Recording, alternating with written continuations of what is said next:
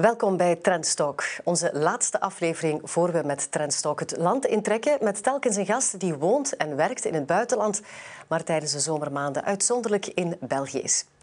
Mijn gast vandaag trekt er ook graag op uit. Joost Callas ging op Noordpool-expeditie en wandelde in drie maanden tijd naar Santiago de Compostela. Op zoek naar een fysieke uitdaging, maar ook naar zijn rol als CEO van de Camino-groep. Een holding met twaalf bouwbedrijven, waaronder Durabric.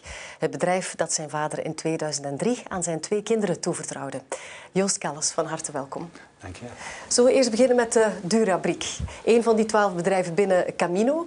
Het is het bedrijf van, van je vader. Was het een evidentie dat jij in zijn voetsporen zou treden? Goh, als, als kind was ik daar wel al mee bezig, zonder dat daar een uitgestippeld pad uh, rond was. En ja, plots kreeg ik telefoon nadat ik een paar jaar had gewerkt in andere bedrijven. En uh, ik heb onmiddellijk ja gezegd. Dus uh, ik ben gestart ja. in 1996 in het bedrijf. En, ja, goed. En welke andere ervaring heb je dan nog opgedaan, elders? Ja, ik heb eerst nog in de verzekeringssector gewerkt, in een commerciële functie gewerkt, om zo wat de, de sales skills mee eigen te maken. En uh, dan ook nog in een natuursteenbedrijf, dus uh, waar ik de binnenverkoop heb geleid uh -huh. en een stukje leidinggevende taken op mij heb genomen. En en dan ben ik eigenlijk in het familiebedrijf gerold. Ja. Als je opgroeit binnen dat familiebedrijf, um, daar wordt dagelijks over gesproken. Dat is waar het hart van je vader ook lag, hè, dag en nacht mee bezig. Is dat iets dat je dan met de paplepel meekrijgt? Of zeg je nee, het zat echt wel in mij persoonlijk om in die bouwsector uh, te stappen? Goh, ik heb het geluk gehad dat, uh, dat mijn vader dat eigenlijk niet zoveel aan de familietafel heeft meegenomen. Hij kon dat goed scheiden, uh, werk en, uh, en, familie en gezin. Dus eigenlijk, maar on, onrechtstreeks nemen daar natuurlijk veel van op. Je pikt dingen op, er zijn activiteiten die worden georganiseerd, je gaat mee. Je, als kind word je daar ingerold. Ik heb verschillende keren ook kijkwoningen al geopend tijdens mijn studententijd. Dus ja, dat verlangen begint zo sterk aan te groeien en dan was het momentum daar. Dus dat is heel fijn om... Ik heb er nog geen dag spijt van, het tegendeel. Ja. Dus, uh, ja. Je zus Claudia werkt ook in het bedrijf. Hoe zit die verhouding dan tussen jou als CEO en uh, die van Claudia? Ja, we, hebben, we zijn broer en zus. Dus we hebben drie petjes, noemen we dat altijd. We zijn, we zijn gelijkwaardig broer en zus. We zijn uiteraard gelijkwaardig als aandeelhouder. En in ons directieteam ben ik inderdaad de CEO en zit zij in het directieteam. Maar op zich, uh, ja... Het is een familiebedrijf, dat betekent dat, er, uh, dat emoties ook toegelaten worden en ook emoties daar ook zijn. Dus, uh, maar welke taken neemt zij op zich? Zij is verantwoordelijk voor het, het, grondbeleid. Dat betekent bij ons dat zij um, ja, de aankopen doet van al onze projecten samen met haar team, met haar, met haar medewerkers. En uh, ja, dat is natuurlijk de verticale integratie van onze grondstof als ontwikkelaar. Willen we natuurlijk zoveel mogelijk gronden ontwikkelen om daar natuurlijk ook huizen, appartementen en dergelijke op te bouwen. Hè. Nu, de bouwsector is heel erg in uh, beweging. Um, als CEO neem je een, een keuze, hè, welke richting dat je wil uitgaan. Um, is jouw zus dan ja, mee op die boot en, en kom je overeen wat die ideeën betreft? Of, of gaat het eerder met overleg? Nee, we, zijn, we zitten eigenlijk wel op dezelfde hoofdlengte. We, we, zijn er ook waakzaam voor. We gaan uh, regelmatig ook samen met ons twee iets doen om, om, om bij te praten. Deze week toevallig zijn we samen gaan ontbijten. Uh, een paar uurtjes gewoon gaan praten met elkaar. Kijken wat er allemaal leeft bij haar, bij mij. En ja, uh, we, dat is een levend organisme. Dus we, we, verbinden goed met elkaar. Dus we, het, gaat, het gaat eigenlijk fantastisch om zo met, als broer en zus samen te werken. Uw vader heeft het uh, bedrijf Durabric uit de grond gestampt. U heeft dat dan overgenomen als CEO. Welke nieuwe klemtonen wilde u graag leggen? Goh, ik heb het geluk gehad dat, mijn vader eigenlijk heel veel vrijheid heeft gegeven. Dus hij we hebben nooit operationeel samengewerkt. Hij zat nog jaren in de raad van bestuur. Maar eigenlijk operationeel heeft hij, was hij niet meer op kantoor. Wat eigenlijk heel veel vrijheid gaf om zelf mijn weg te zoeken. Ik ben daar zelf... Um, eerst bij mezelf zo gaan zoeken. Ik heb een aantal opleidingen gevolgd. Uh, van wie, ben ik nu eigenlijk? Wie ben ik echt? Wie ben ik dan in een groep? En wat wil ik neerzetten in deze wereld? En als ik dat voor mijzelf wat meer helder had, dan ben ik dat ook een stukje gaan introduceren in het bedrijf. En zijn we eigenlijk in 2008 al een eerste Camino-tocht gaan doen met twaalf mensen uit het bedrijf. Samen gaan zoeken, wat bindt ons nu gemeenschappelijk? Waar staan we samen voor? Wat zijn dan de waarden van het bedrijf? Die, op dat moment bestond het bedrijf in 2008 uh, 42 jaar. En zo van, ja, wat, wat, wat, wil, ik, wat wil ik meenemen die ik meekrijg van thuis? En welke accenten wil ik zelf gaan leggen? En ja, gaandeweg heb ik daar mijn, mijn, mijn zoektocht in gevonden. En, ja, was, het is een heel boeiend, boeiend, boeiend traject geworden om, om dat samen met mijn, met mijn mensen te doen. Dus we hebben dat, dat is niet alleen de accenten van mezelf, ook Claudia haar impact, maar ook eh, van, van de mensen die al heel lang in onze organisatie waren, hun impact. En zo zijn we, zo zijn we eigenlijk een, een meer uh, evenwicht gaan vinden tussen mannelijke en vrouwelijke energie. Toen ik in het bedrijf kwam, was er eigenlijk behalve één dame op kantoor. Ja. ja. het is natuurlijk een mannenwereld, de bouwwereld. Onze arbeiders zijn allemaal mannen. We hebben geen vrouwelijke mensen, we hebben één vrouwelijke schrijnwerker. Maar, maar uiteindelijk, het, is een, een, het was een stukje een mannenbastion. En uh, ook heel veel ingenieurs. Dat betekent heel veel met de ratio dat er gewerkt wordt. En ik denk dat de accent die we er wel in, in, gebracht hebben, is een stukje een evenwicht tussen die mannelijke en die vrouwelijke energie. Die, tussen die daadkracht en dat zorgende zo meer in evenwicht gaan vinden zijn. En dat zijn wel, denk ik, de belangrijkste accentverschuivingen. En het is een stukje eigen aan ons DNA geworden. Ja. Uw familiebedrijven in, uh, in Vlaanderen, in België, zijn bijzonder belangrijk hè, voor ons uh, economische weefsel. Hoe zit het met de volgende generatie? Bent u daar nu al mee bezig?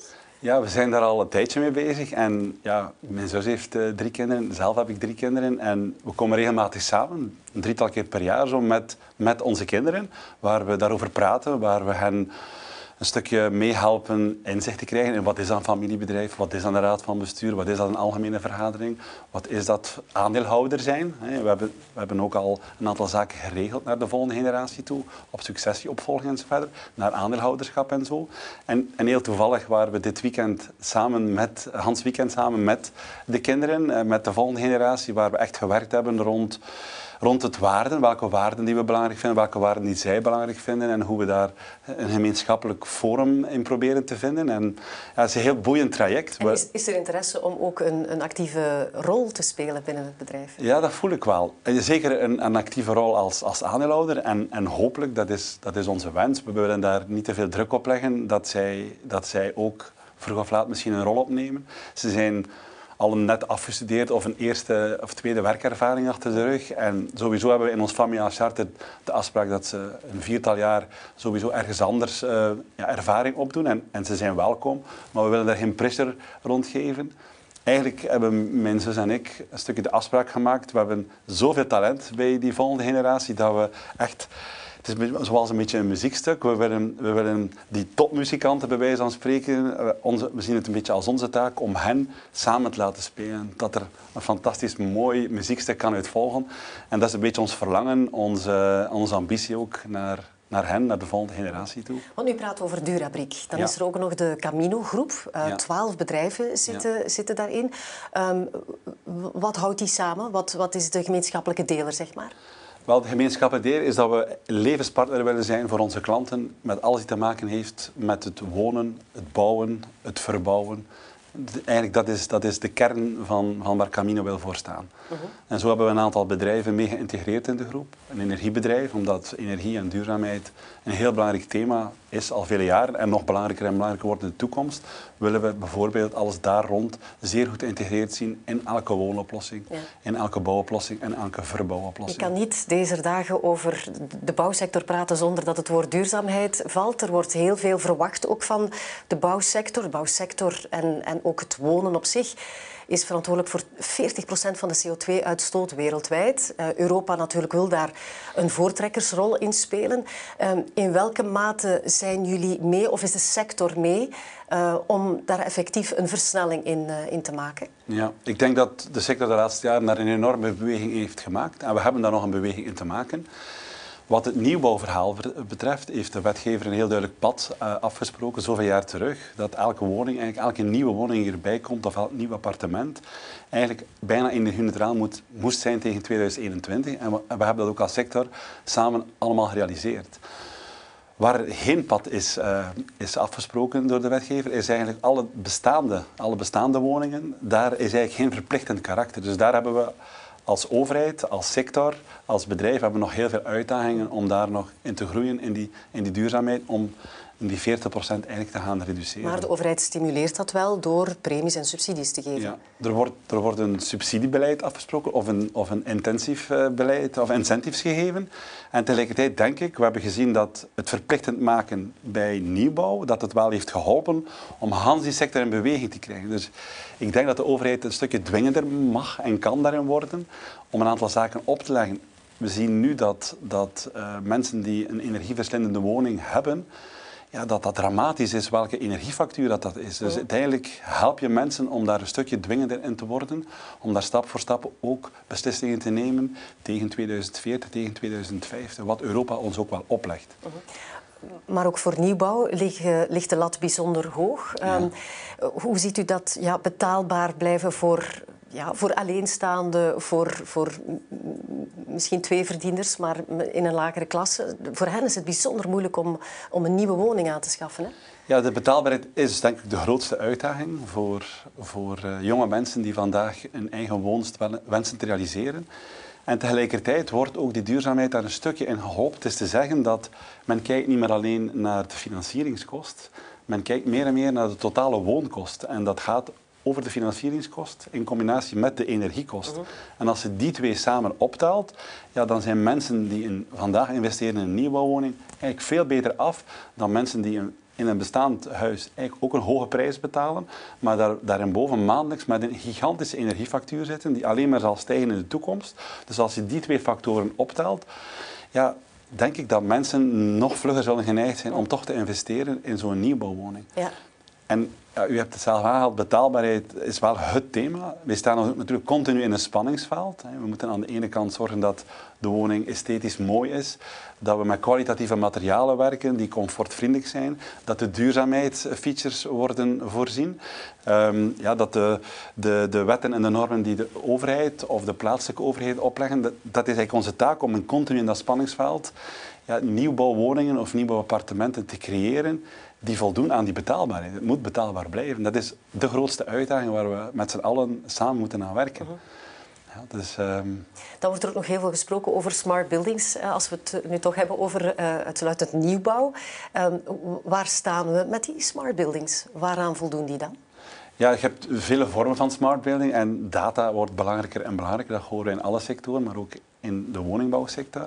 En uiteindelijk um, ja, hebben we hebben we al de intelligentie die aanwezig is in een woning, willen we dat gaan clusteren. Veel mensen zijn nu volop aan het investeren in, in zonnepanelen, maar uiteindelijk hebben ze niet 100% het rendement van die zonnepanelen. 30, 40 procent rendement en de rest verliezen ze omdat ze op dat moment geen toestellen hebben. Die eigenlijk, wordt terug op het net gezet. Ja, wordt er op het net gezet. En uiteindelijk, um, ja, met, met een bedrijf bijvoorbeeld als Homemade, waar wij regelmatig mee samenwerken, zijn twee jonge mensen die een fantastisch eh, eh, concept, een energiemanagement systeem hebben ontwikkeld, waarbij eigenlijk um, alle toestellen van, van uw huis kunnen gekoppeld worden aan uw energieverbruik.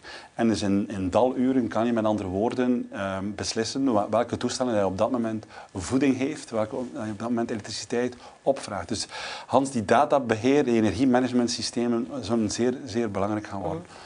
Ook het, het feit dat je mobiel kan communiceren met je huis van op afstand rond veiligheid, rond alles die te maken heeft met domotica, dat je eigenlijk van op uw verwarming van op afstand kan regelen, dat zijn wel elementen die absoluut meer en meer ingang vinden in, in, in, woningen. Ja, dat, dat geeft ook extra comfort. Is dat ook toepasbaar in woningen die te renoveren zijn? Zeker, natuurlijk. Dat is iets complexer omdat je daar met bestaande structuren zit. Dat je moet kappen en boren. Bij nieuwbouw begin je vanaf nul. Maar het is absoluut, uh, absoluut perfect mogelijk ook in bestaande woningen dat te gaan realiseren. Mhm. Circulariteit is ook nog een belangrijk thema binnen de bouw. Hè. Uh, ook vanuit Europa zien we, het, uh, zien we de regelgeving ook doorcijpelen tot, uh, tot in Vlaanderen.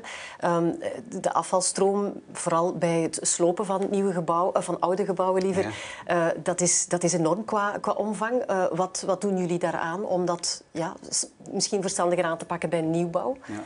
Het is een immense uitdaging, circulariteit. Het is, het is een stukje nieuw voor de sector en ik denk dat de sector daar nog een enorme groeipotentieel in heeft. Zelf als bedrijf experimenteren we daar volop op. Uh, we Waarom hebben... is dat zo'n grote uitdaging? Ja, omdat het nieuw is en omdat je eigenlijk op een andere manier moet gaan bouwen. Waar je nu van alles verlijmt in een gebouw, eh, moet je eigenlijk dingen gaan verbinden, eh, materiaal met elkaar verbinden, dat je nadien ook terug kan recupereren. Dus dat betekent ja, dat je met ander soort materialen moet werken, dat je eigenlijk uh, materialen een tweede leven moet kunnen geven in de toekomst, dat je naar een soort materialenindex zal moeten evolueren. Dat zijn allemaal nieuwe uitdagingen waar we voor staan. En, en ja, dus...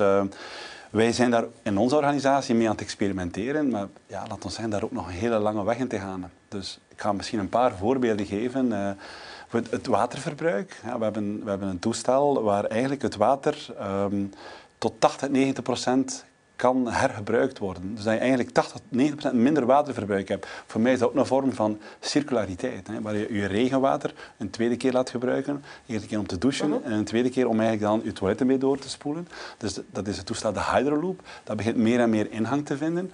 Een ander voorbeeld waar wij rond experimenteren is in ons sociaal project uh, de Toontjeshuizen, waar wij eigenlijk sociale woningen uh, creëren voor jongeren met een beperking. Ja, daar weten we sowieso dat de verbruiker, uh, of de gebruiker van de woons regelmatig zal ook wijzigen, afhankelijk van zijn noden. Um, en daar werken we uitsluitend met verplaatsbare wanden, dus wanden die we terug kunnen recupereren. Daar zijn al een, ook een aantal bedrijven die volop inzetten op de circulariteit. En dus eh, wij kunnen als sector waar wij al die zaken assembleren, kunnen we meer en meer gaan gebruik maken van die circulaire materialen. Maar nogmaals, de sector staat er nog wel in zijn kinderschoenen.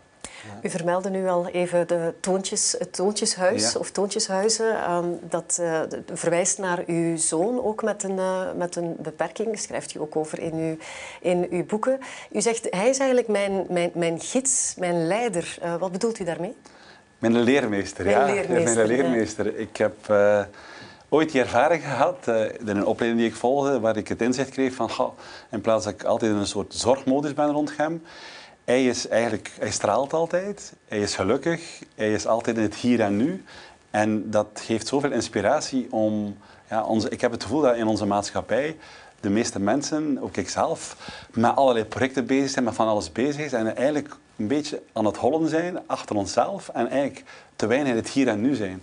En hij is daar. Dus in die zin, hij is daar altijd. In die zin is dat voor mij een perfecte leermeester om mij met mijn voetjes op de grond te houden en, en mij te, daarin een stukje te hitsen in het hier en nu meer te kunnen zijn. Ja. Naast CEO van Camino Groep bent u echt ook wel een sociaal ondernemer. het is eigenlijk te veel om op te noemen welke initiatieven dat u allemaal neemt. Maar waar u zich toch heel erg voor inzet, is ook om mensen met een beperking in te schakelen in het werkproces. Waarom is dat zo moeilijk in Vlaanderen? In andere landen, Scandinavische landen, gebeurt dat veel meer? Ja, het is voor mij ook een raadsel. Het is, um, de inclusiviteit um, heeft nog een enorme weg af te leggen. We zitten aan de ene kant met de War for Talent. En aan de andere kant zitten we met een hele grote doelgroep van mensen met enorme talenten die heel ver van de arbeidsmarkt staan.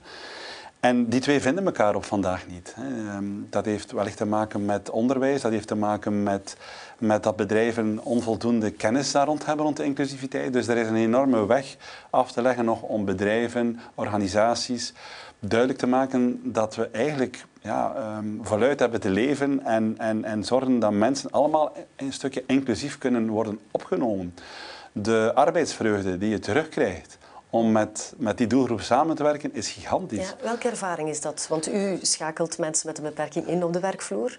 Wat is uw ervaring? Ja, dat dat, of die van uw personeel ook? Eh, ja, dat dat eigenlijk een, een, een kruisbestuiving is dat dat energie geeft. Dat je, het is altijd fijn als je mensen kan helpen. Je, je wordt daar zelf warm van. Ik ga een paar voorbeelden geven. De mensen bij ons aan het onthaal. Er is iemand die regelmatig bij ons mee aan het onthaal eh, komt zitten, Betul. En Betul, ja, de mensen die normaal in het onthaal werken, hebben geen leidinggevende functie. Ze zitten iedere dag in het spanningsveld om mensen te ontvangen. En plots kunnen ze iemand begeleiden en een leider zijn van die mensen. En, dat geeft zoveel warmte terug. Ook het feit dat, dat mensen ehm, ja, veel minder veel eisend zijn. Dat ze eigenlijk gewoon tevreden zijn met wat er is. Dat geeft een soort positieve vibe. Um, ja, en ja, dat geeft een ontspanning, een soort, een soort ehm, ontspanning die, die soms op de arbeidsvloer te weinig aanwezig is in, in veel organisaties. U had daar straks al even verwezen van ik ben mijn rol als CEO, als leidinggevende ook in vraag gaan stellen. U bent echt op zoek gegaan naar, naar antwoorden. Een eerste grote tocht die u gedaan heeft is naar de Noordpool met uh, Dixie Danserkoor die helaas is uh, heen gegaan. Noordpool-expeditie, uh, daar heeft u dit boek over geschreven, hè, De Zoekende Leider. Nadien ook nog is drie maanden onderweg naar Santiago de Compostela.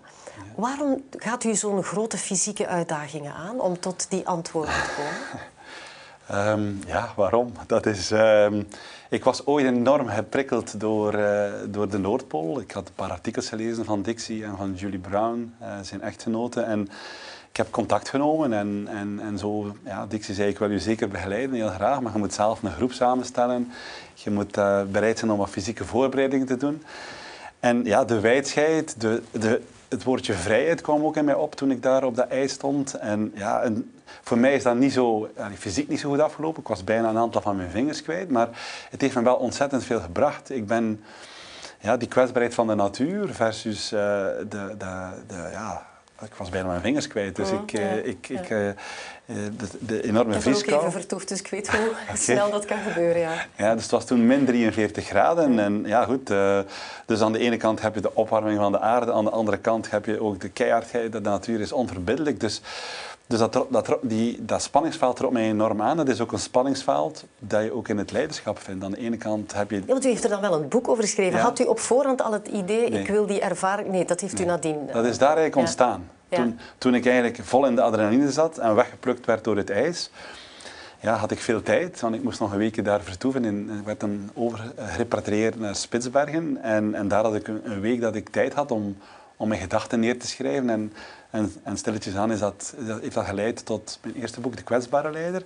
En, en ja, goed, uh, ik wou een stukje van dat spanningsveld ook meegeven, omdat dat ook in het leiderschap continu in een spanningsveld gaan staan is. Aan de ene kant heb je de korte termijn doelstellingen, de lange termijn doelstellingen. Aan de ene kant heb je de zorgzaamheid voor je mensen, aan de andere kant de resultaatgerichtheid.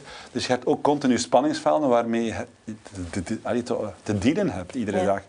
En, ja, op maar dat was dan niet voldoende, want dan bent u uh, een paar jaar later nog eens naar uh, die grote Camino-tocht uh, begonnen. Vandaar ook de Camino-groep ja. wellicht. Ja, ehm, klopt. Drie maanden onderweg als CEO, die beslissing nemen, dat lijkt mij niet evident. Dat was niet zo'n evidente keuze. Ik heb dat ook een beetje voorbereid. Ik ben toen met de voorzitter van de Raad van Bestuur gaan praten, met mijn zus, met een aantal andere directieleden. Ja, en dat grondig doorgesproken van kijk, is dat wel oké voor jullie dat ik een aantal maanden gewoon het bedrijf verlaat en dat ik je helemaal kan uitstappen. Het was ook met een, met een beetje een spannend hart. Ik heb ook geen enkele e-mail gelezen, dus ik had mijn smartphone enkel mee voor praktische zaken op te zoeken, maar niet, mijn e-mails stonden af. En dat ging verrassend goed. Dus uh, ja, uh, dat ligt bij anders in het dagdagelijkse leven niet. Die smartphone is altijd wel ergens aanwezig. Maar daar heb ik drie maanden helemaal kunnen loslaten. En um, heb ik, heb ik kunnen vaststellen dat dat best oké is, dat dat best goed gaat. Maar u heeft wel heel veel um, uh, bezoek gehad, of moet ik het zeggen? U heeft wel veel um, ja, mensen gehad die dicht bij u staan um, om u te begeleiden tijdens uh, die tocht. Ja. waarom heeft u daarvoor gekozen en heeft u toch niet gekozen voor de volledige eenzaamheid? U ontmoet natuurlijk veel mensen onderweg, ja. maar wel bekenden om een stuk mee die tocht uh, mee te maken. Mm -hmm. Laten we zeggen, eenzaamheid is wel een thema voor mij. Je moet mij niet iedere nacht helemaal alleen laten. Dus, uh, dus ik, ik wou wel de uitdaging aangaan van eenzaamheid, maar, maar ik zag het niet zitten om drie maanden helemaal alleen te zijn. En ik heb eigenlijk zo uh, van het format opgebouwd, één week alleen gestapt, twee dagen met iemand die een belangrijke betekenis heeft gehad in mijn leven, dan weer een week alleen, dan weer twee dagen. En zo heb ik verschillende mensen uitgenodigd, waaronder ook op het einde mijn, mijn directieteam, waar we dan terug de verbinding hebben gevonden met elkaar. En ja, dat, dat, ja, ik heb voor die format gekozen omdat ik echt ook eens tijd wil maken voor mensen. Dat ik tijd, want meestal heb je dan een avond dat je samen door bent met vrienden of met familie. En dat gewoon samen met je eigen kinderen of met mijn eigen ouders uh, gewoon eens twee volle dagen kunnen stappen. Uh, en alles kunnen delen met elkaar. Want de, de natuur heeft ook iets, iets kwetsbaar. Je, je, je, kan, je kan op verhaal komen, je kan stilte toelaten in zo'n gesprek. En, en ja, dat geeft heel veel ruimte geven om met mensen echt een diepgaande connectie aan te gaan. Uh -huh. Dus ja, um, ik heb voor die format gekozen en, en ik ben er, ben er heel blij over dat ik, dat ik dat op die manier gedaan heb. Ja. U, u, schrijft ook in uw boek dat u zocht naar Ikigai. Wat, wat is dat precies? Ja, Ikigai, dat is een boekje dat ik gelezen had net voor ik vertrok, een Japanse term. Onderzoekers hadden eigenlijk vastgesteld dat mensen in bepaalde gemeenschappen in Japan allemaal meer dan 100 jaar oud werden. En ik was daardoor getriggerd. We hebben allemaal, allemaal de ambitie om, om ja, lang gezond en oud te worden. En bleek dat de determinerende factor daarvan was dat mensen in een ikigai bleven. En wat is ikigai? Is het samenvallen van eigenlijk jouw missie, jouw werk, jouw roeping en jouw passie. En als die vier ergens samenvallen, ja, dan, dan zit je in een ikigai. En, en dat is wat ik ook voelde op mijn tocht, dat ik echt wel in mijn ikigai zat. Ik, en wanneer, wanneer ben je in je, in uw missie en in je roeping, wanneer dat je ook niet alleen in je job van alles kan doen, maar dat je ook maatschappelijk dingen kan betekenen, dat je ook voor anderen iets kan betekenen, dat je ook een stuk dienstbaarheid kan teruggeven. En als dat allemaal kan samenvallen, ja, dan, dan, dan, ja, dat, dat geeft een ongelooflijk warm gevoel en, en dat geeft een, een betrokkenheid, een drive, een soort passie ja, die, die je verder in het leven duwt en, en stuurt. En, en ja, op een of andere manier hebben die onderzoekers vastgesteld dat die mensen allemaal meer dan 100 jaar oud werden. Dus dat is, wel een, een dat is ook wel een erg verlangen op een gezonde manier zo oud te mogen mhm. kunnen worden. Ja, maar de bedoeling was wel om nieuwe inzichten te verwerven ook. Van wat kan ik betekenen als, uh, als leider, als mentor voor mijn personeel? Wat voor CEO wil ik zijn? Wat voor leadership wil ik uitstralen? Wat is daar dan uitgekomen? Welke lessen heeft u daaruit getrokken? Um, ja, eh, een aantal natuurlijk. Dat, ik, uh, dat er nog meer evenwicht mag komen tot, tussen die resultaatgerichtheid en dat verbinden met mensen. Dat, um, dat meer en meer mijn rol zal worden in de toekomst om ja, meer te coachen en eigenlijk meer te evolueren naar een rol van mentorschap, zelfs ambassadeurschap, zeker in relatie tot ook de volgende generatie. Minder zelf aan het, aan, aan het roer te zitten, minder zelf eh, in de leiding te staan, maar meer, nog meer door te geven. En dat was een belangrijke les om, om, om los te laten. Om ja, als, als eigenaar van een familiebedrijf drie maanden uw bedrijf helemaal loslaten. Ja, het feit dat het gelukt is, um, is voor mij wel een, een, een geruststelling dat dat eigenlijk vlot zal gaan als er een overdracht moet gebeuren naar een volgende generatie of als ik door omstandigheden de job niet meer zou kunnen doen, dat het perfect mogelijk is. Maar als u dus, die eh, coachende rol wil opnemen, waar schort het dan aan het huidige leiderschap? Ja, schorten... Waar kan het bijgestuurd worden of hoe kan het beter?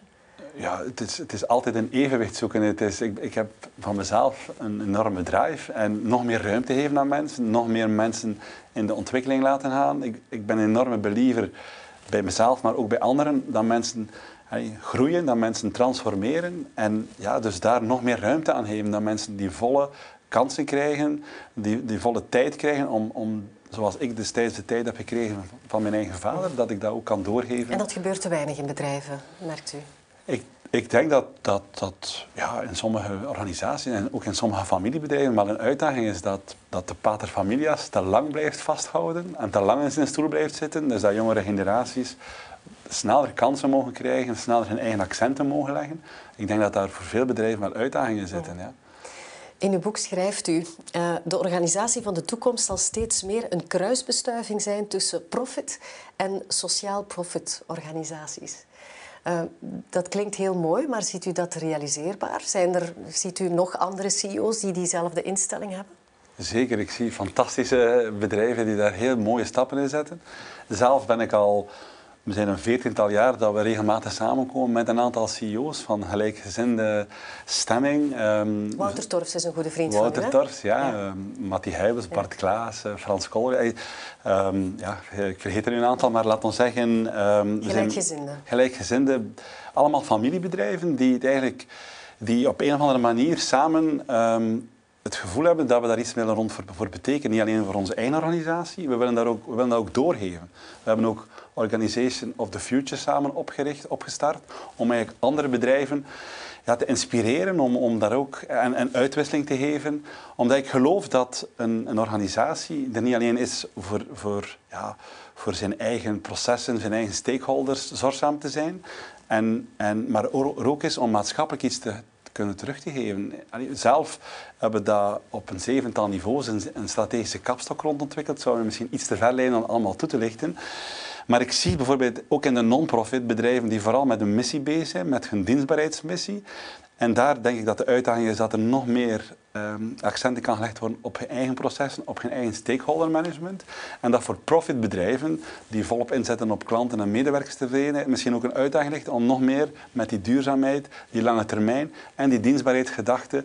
Dus de kruisbestuiving tussen beide, elkaar in het midden ergens vinden, denk ik wel dat de consument van morgen enkel voor die bedrijven zal kiezen die het evenwicht heeft gevonden tussen de profit en de non-profit. Tussen, eh, tussen ja, het korte termijn uh, en het lange termijn verhaal. Mhm. Dus ik, daar ben ik echt van overtuigd geworden. Heeft u nieuwe plannen om uh, een grote expeditie of tocht aan te vangen?